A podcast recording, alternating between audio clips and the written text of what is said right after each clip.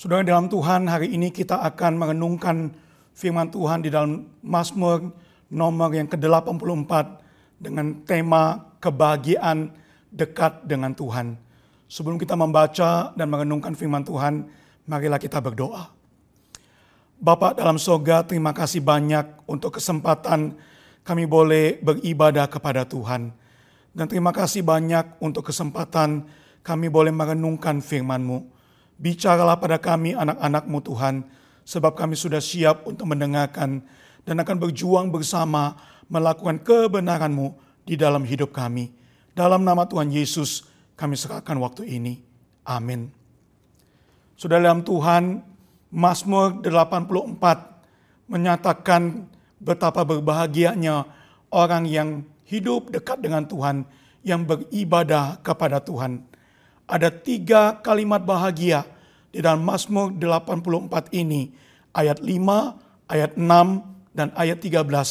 Demikianlah firman Tuhan. Berbahagialah orang-orang yang diam di rumahmu, yang terus menerus memuji engkau. Berbahagialah manusia yang kekuatannya di dalam engkau, yang berhasrat melakukan syiara. Berbahagialah manusia yang percaya kepadamu. Sudah dalam Tuhan, saya ingin memulai khotbah ini dengan sebuah lagu yang cukup sering dinyanyikan oleh beberapa pemuda-pemudi saya yang kuliah di Amerika Serikat waktu itu. Lagu dengan judul LDR, saudara. Long Distance Relationship. Relasi atau pacaran jarak jauh. Penyanyinya bernama Raisa. Lagu ini saudara dimulai dengan kalimat ini. Halo, aku kangen. Lalu penggalan syairnya saudaraku seperti ini. Suara tawamu sungguh kurindu. Tanpamu langit tak berbintang. Tanpamu hampa yang kurasa. Seandainya tiada jarak tiada berarti. Akan kuarungi ruang dan waktu dalam sekejap saja seandainya sang waktu dapat mengerti, tak akan ada rindu yang terus mengganggu. Rindu, kangen saudara. Ini kisah pasangan yang saling merindukan karena terpisah oleh jarak. Rekan-rekan muda yang hari ini sedang berpacaran jarak jauh tentu bisa mengerti dan merasakan rasa kangen seperti yang dinyanyikan oleh Raisa itu. Saudara, khotbah ini bukan tentang rasa kangen di antara pasangan yang sedang terpisah jarak.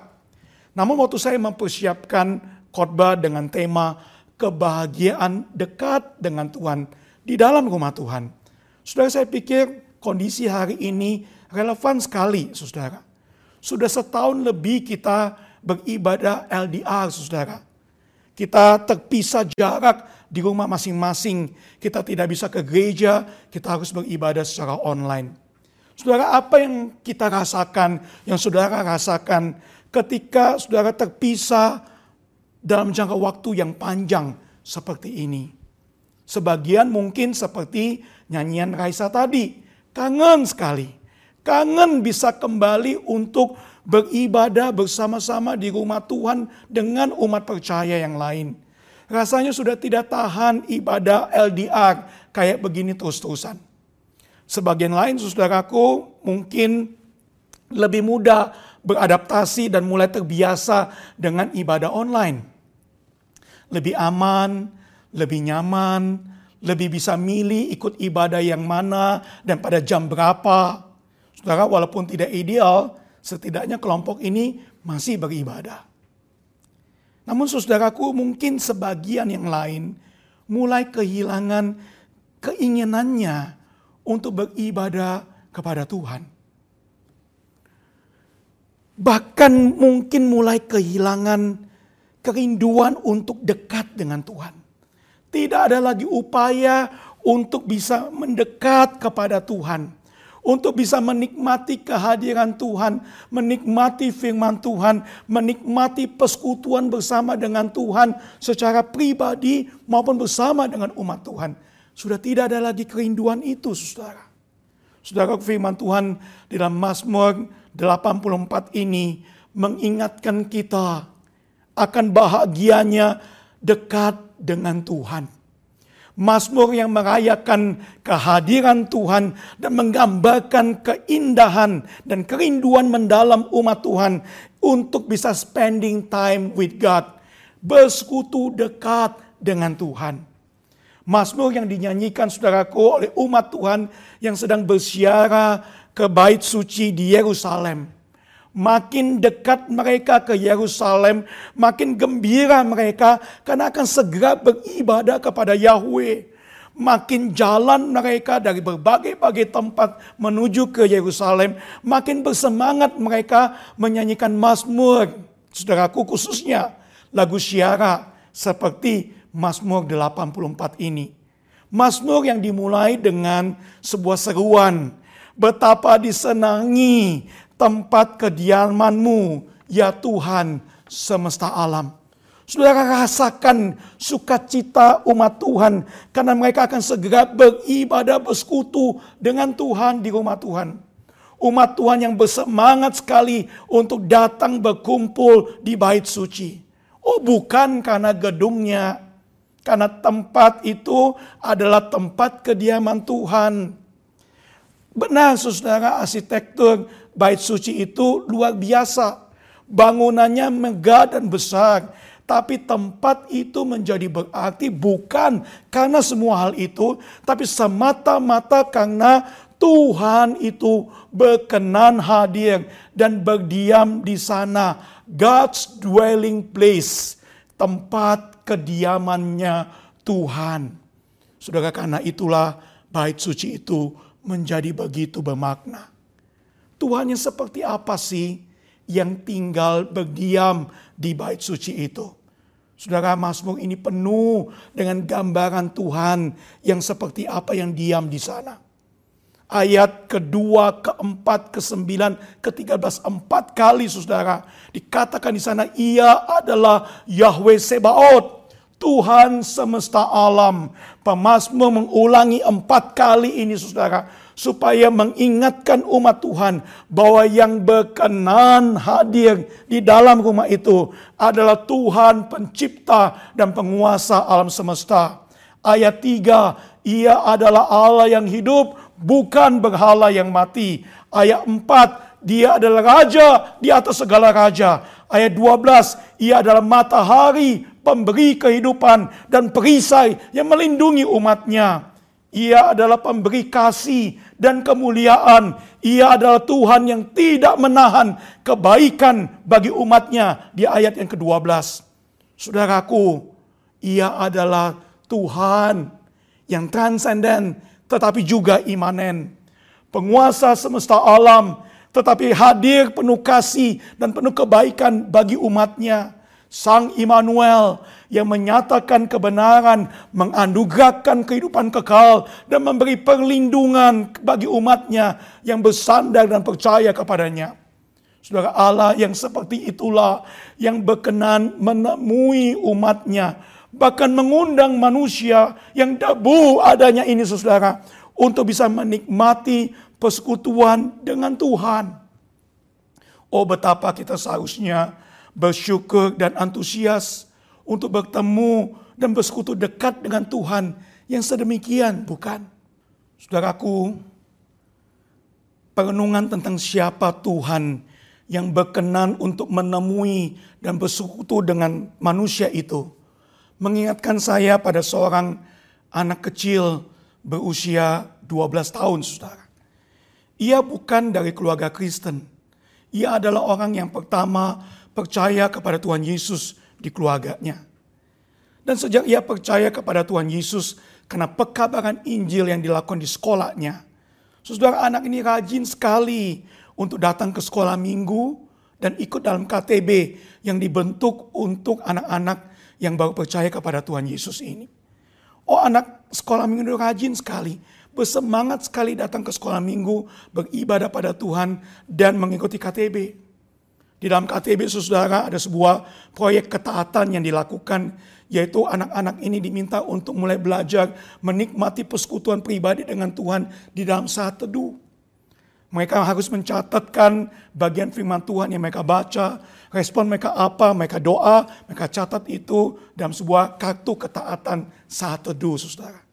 Saudara, saya melihat wajah anak ini tiap kali datang ke sekolah minggu, tiap kali datang ke KTB, membawa kartu ketaatan saat teduhnya itu, ya terlihat wajah yang begitu bergembira. Namun suatu hari anak ini datang dengan wajah yang muram, saudara. Dan setelah KTB ditemani seorang temannya, saudara, ia meminta untuk ngobrol pribadi dengan saya, ketua KTB-nya.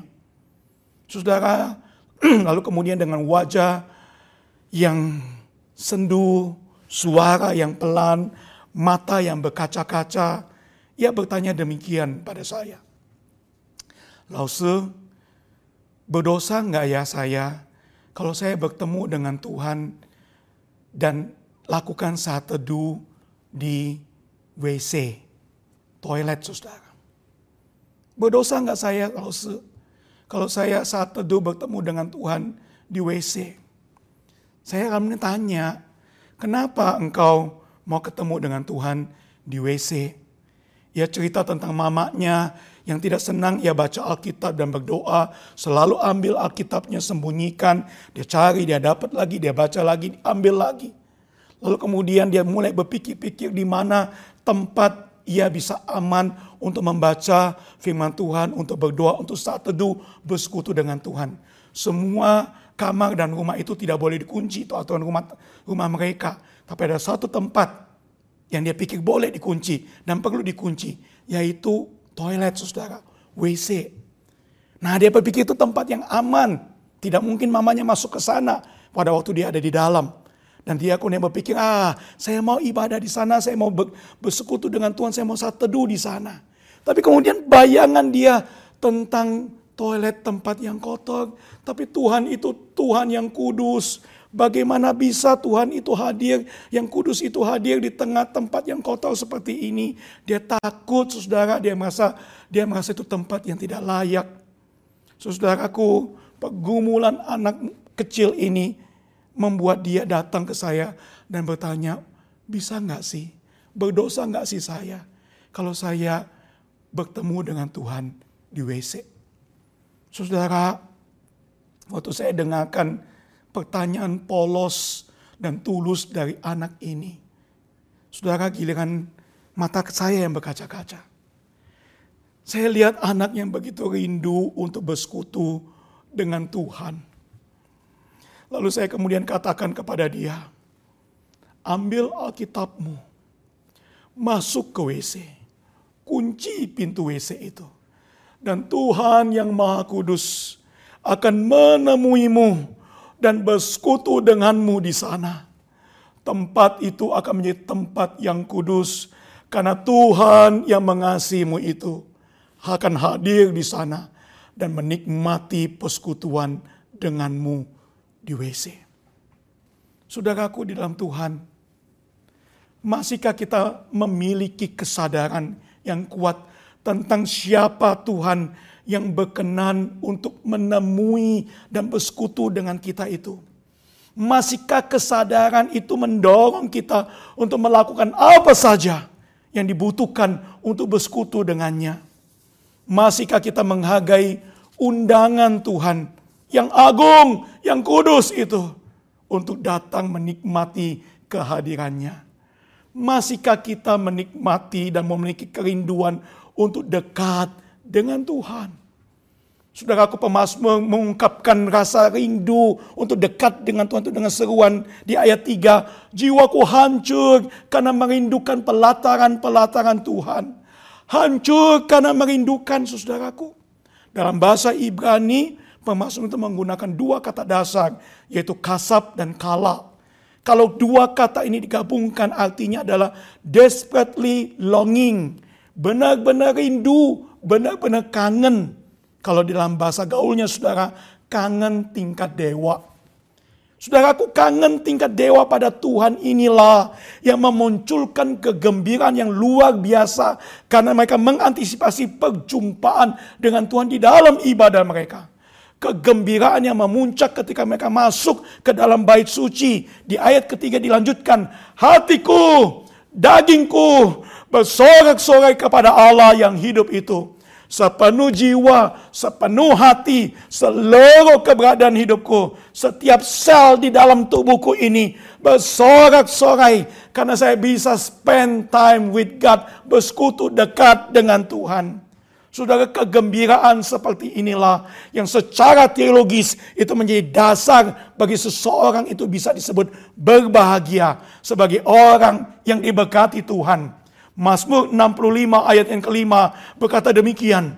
Berbahagialah orang yang kau pilih dan yang engkau suruh mendekat untuk diam di pelataranmu. Oh saudaraku, siapa orang yang berbahagia? Adalah orang yang Tuhan pilih yang Tuhan suruh mendekat, yang Tuhan beri undangan dan beri anugerah supaya kita bisa dekat dengan Tuhan. Saudara, lalu pemazmur menegaskan, mereka yang berespon terhadap undangan Tuhan untuk mendekat kepadanya ini, mereka inilah yang didapati sebagai orang-orang yang berbahagia, yang diberkati Tuhan. Itu sebabnya Mazmur 84 ini ada tiga kata bahagia di sana Berbahagialah orang-orang yang diam di rumah Tuhan, yang terus-menerus memuji Tuhan. Berbahagialah manusia yang kekuatannya di dalam Tuhan, yang berhasrat melakukan ibadah. Berbahagialah manusia yang percaya kepada Tuhan. Kalau ketiga ayat berbahagia ini dijadikan satu saudara, itu saya parafrase dengan kalimat seperti ini. Umat Tuhan yang rindu untuk menyembah dan memuji-muji Tuhan.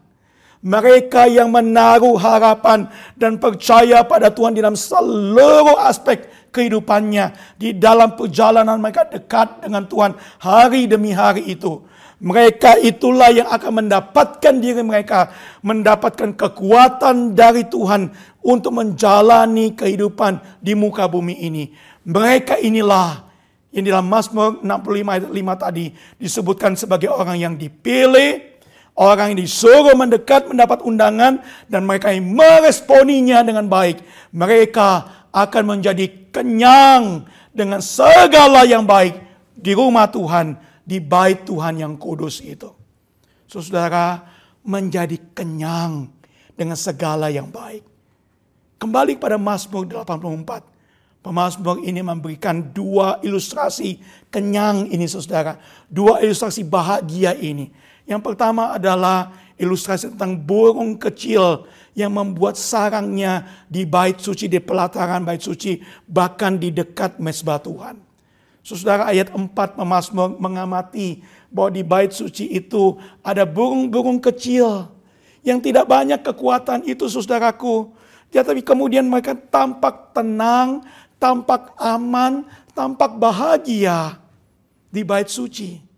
Dan kemudian pemazmur kemudian melihat ini dia mengatakan, Oh Tuhan Raja di atas segala Raja itu.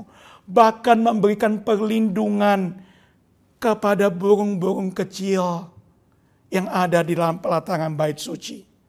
Saudaraku, bukankah kita ini seperti burung kecil itu? Kita ini manusia yang kecil, yang lemah, yang terbatas, fragile. Tapi Tuhan itu tempat perlindungan kita yang teguh. Kita aman dalam topangan tangan Tuhan yang pegang kendali atas apa pun yang terjadi di dalam dunia ini. Oh bukankah bahkan Tuhan Yesus pun menggunakan ilustrasi burung kecil itu dan mengatakan kepada kita sebuah jaminan perlindungan Tuhan. Jaminan pemeliharaan Tuhan. Kalau burung kecil di udara itu, di langit itu diberi makan oleh Tuhan, dipelihara oleh Tuhan. Bukankah saya dan saudara jauh melebihi burung-burung itu jaminan daripada Tuhan Yesus. Oh mereka yang dekat dengan Tuhan akan menjadi berbahagia. Karena seperti burung kecil, orang-orang seperti kita yang terbatas ini, yang kecil ini, aman, dan bahagia di dalam pemeliharaan dan perlindungan Tuhan. Ilustrasi yang kedua, saudaraku, ada pada ayat yang ketujuh. Ilustrasi tentang lembah baka, saudara. Pemasmur di ayat 7 itu menyatakan bagaimana di dalam perjalanan syara ke bait suci itu. Mereka melewati suatu tempat yang bernama lembah baka. Saudara kata baka di sini artinya adalah menangis. Sehingga lembah baka ini bisa disebut sebagai lembah air mata saudara. Ini lembah air mata. Tetapi mereka yang bergantung kepada Tuhan, pemazmur mengatakan mereka yang berhasrat untuk berjalan dekat dengan Tuhan, terus menerus bersama dengan Tuhan. Mereka ini akan mengalami seperti yang dikatakan dalam pemazmur bahwa lembah air mata itu, lembah baka itu akan diubah Tuhan menjadi lembah mata air. Lembah air mata diubah Tuhan menjadi lembah mata air. Mata air kehidupan. Mata air yang akan memberikan kepada kita berkat demi berkat daripada Tuhan. Seperti bajana tanah liat yang dari dalamnya keluar mengalir meluap-luap anugerah demi anugerah Tuhan. Penuh melimpah menjadi berkat bagi banyak orang lain.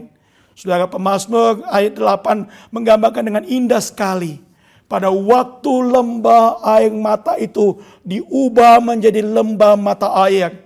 Waktu kita makin berjalan dekat dengan Tuhan. Firman Tuhan berkata, umat Tuhan yang seperti ini, mereka berjalan makin lama, makin kuat. They go from strength to strength. Oh benar bukan saudaraku. Di dalam kehadiran Tuhanlah di dalam perjalanan dekat dengan Tuhanlah. Maka saya dan saudara di dalam kehidupan yang melelahkan ini, yang menekan ini, yang kemudian melemahkan kita ini. Karena ada Tuhan, kita bisa berjalan makin hari makin kuat. Dari kekuatan kepada kekuatan.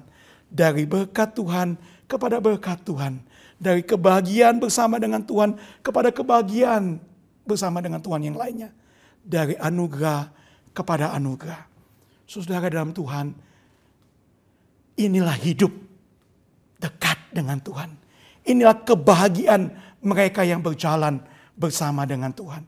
Yang hidupnya sungguh-sungguh berjalan dan percaya, bergantung kepada Tuhan. Saudaraku, bukankah kita hari ini seharusnya lebih memahami konsep ini daripada orang Israel pada waktu itu. Mengapa? Karena kita sudah mengalami penebusan Kristus Yesus bukan atas dosa-dosa kita di kayu salib. Dulu kita tanpa Tuhan. Sekarang kita bisa dengan bebas beribadah dan menyembah dia semata-mata karena anugerahnya. Oh dia Tuhan yang menjadi daging dan tinggal di antara kita. Dia yang tidak pernah mengenal dosa itu telah ditimpakan segala dosa kita. Supaya kita bisa menikmati persekutuan dengan Tuhan. Bisa memanggil Tuhan itu dengan panggilan Allah, Bapa, Aba, ya Bapa, Dedi, Papi, Bapa di sorga. Relasi yang dekat dengan Tuhan. Saudaraku sebagai umat yang ditebus Tuhan. Gambaran umat Tuhan yang begitu bergembira untuk menyambut undangan Tuhan untuk beribadah dan bersekutu dekat dengan Tuhan. Apakah itu masih bergelora di dalam hati kita?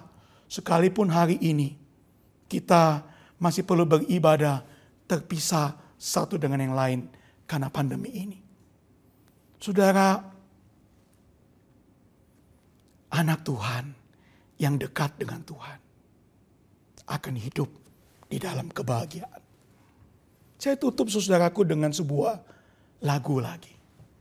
Lagu yang ditulis oleh seorang yang bernama Huang Melian. Ia kelahiran Taiwan, saudara. Lalu dia mengambil, dia lulus dari PhD of Art dari University of California di Los Angeles. Karya lukisnya itu diminati banyak orang. Ia penulis buku, penulis lagu, pembicara internasional. Ia menerima berbagai penghargaan dunia, saudara. Namun sejak kecil ia menderita penyakit yang disebut cerebral palsy. Usia empat tahun ia belum mampu duduk apalagi berjalan. Ia tidak mampu mengontrol otot-otot tubuhnya maupun wajahnya. Usia enam tahun kesaksian mengatakan bahwa tetangganya itu memberitahu neneknya bahwa cucumu itu nanti baik kalau dia nanti bisa bekerja di sirkus. Oh ini sebuah sebuah sindiran ejekan saudara dilihat sebagai anak yang aneh masa depannya hanya di sirkus. Tapi saudaraku dalam sebuah wawancara dengan China Christian Daily November 2016. Huang Melian menceritakan sebuah lagu yang ia tulis dengan judul If I Could Sing. Ia berkata kalimat seperti ini. Saya sulit berbicara sejak kecil, apalagi bernyanyi. Namun kalau saya bisa bernyanyi, lagu apa yang ingin saya nyanyikan? Endless Love? Goodbye Kiss? Possession? Tidak. Saya ingin menyanyi untuk memuji Tuhan. Karena Tuhan yang begitu mengasihi saya itu layak untuk menerima segala puji-pujian saya. Saudaraku dalam Tuhan, lagu yang dia tulis, If I Could Sing. Ia mengatakan dalam syair lagu ini, Bila aku bisa menyanyikan sebuah lagu, lagu itu adalah lagu pujian dan ucapan syukur kepada Tuhan. Dalam kesulitanku, engkau beri ketenangan dalam kebingunganku, engkau beri hikmat. Sekalipun aku tidak dapat membuka mulutku untuk bernyanyi. Namun aku tetap ingin mempersembahkan kepadamu sebuah penyembahan, sebuah ibadah yang tulus. Setiap saat tanganmu Tuhan menuntun hidupku. Kasihmu dan rahmatmu itu yang membuatku ceria. Aku rindu untuk menyembahmu dan memujimu. Burung-burung di udara, orang-orang yang bisa bernyanyi, bersediakah engkau untuk membantuku, untuk memuji Tuhan yang indah tiada batas itu. Aku akan pakai telingaku untuk menyimak dengan baik. Aku akan menggembakan nyanyianmu itu dengan hatiku. Dan biarlah suara yang terindah akan keluar dari hatiku yang paling dalam Aku mau mengatakan kepada Tuhanku, aku benar-benar mengasihimu, ya Tuhan. Sudah dalam Tuhan, Huang Melen memang tidak secantik Raisa. Tapi pribadi dan syair lagu itu begitu indah. Menunjukkan seorang yang menyadari benar bahwa Tuhan yang hidup Tuhan pencipta langit dan bumi dan penciptanya itu adalah Tuhan yang berkenan hadir di dalam hidupnya. Memimpin, menuntun dia, memberkati dia, membuat jalannya menjadi bahagia di dalam Tuhan dalam segala keterbatasan yang ada sekalipun. Dan kesadaran itu membuat dia rindu untuk memuji dan menyembah Tuhan. Dan rindu untuk bersekutu dekat dengan Tuhan dan itu yang dia lakukan dalam hidupnya. Dan ketika dia lakukan itu dalam hidupnya, ia bersaksi dan menemukan dirinya dan menunjukkan kepada dunia bahwa dalam segala situasi yang sulit sekalipun, saya adalah orang yang berbahagia dan penuh ucapan syukur karena ada Tuhan yang dekat denganku. Saudaraku, inilah sebuah gambaran yang indah mengenai burung kecil yang aman di dalam perlindungan Tuhan itu. Ini gambaran bahagia tentang lembah air mata yang berubah menjadi mata air kehidupan oleh karena semata-mata anugerah Tuhan yang mau berjalan dekat dengan kita. Pertanyaannya, adakah kita hari ini sungguh-sungguh punya sebuah kerinduan untuk dekat bersekutu dengan Tuhan. Jangan kehilangan kerinduan itu saudaraku. Mendekat pada Tuhan. Sebab di dalam Tuhan engkau akan disebut berbahagia. Amin. Mari kita berdoa. Tuhan, firman-Mu sudah diuraikan. Kesaksian demi kesaksian sudah disampaikan. Dan biarlah hari ini kami boleh sungguh-sungguh hidup dekat dengan Tuhan. Rindu untuk beribadah pada Tuhan. Rindu untuk berjalan senantiasa bersama dengan Tuhan. Supaya kami pun memiliki kisah hidup kami bahwa setiap orang yang dekat denganmu hidupnya ditemukan berbahagia. Ini doa kami di hadapan Tuhan Yesus, Juru Selamat kami yang hidup. Amin. Tuhan Yesus memberkati.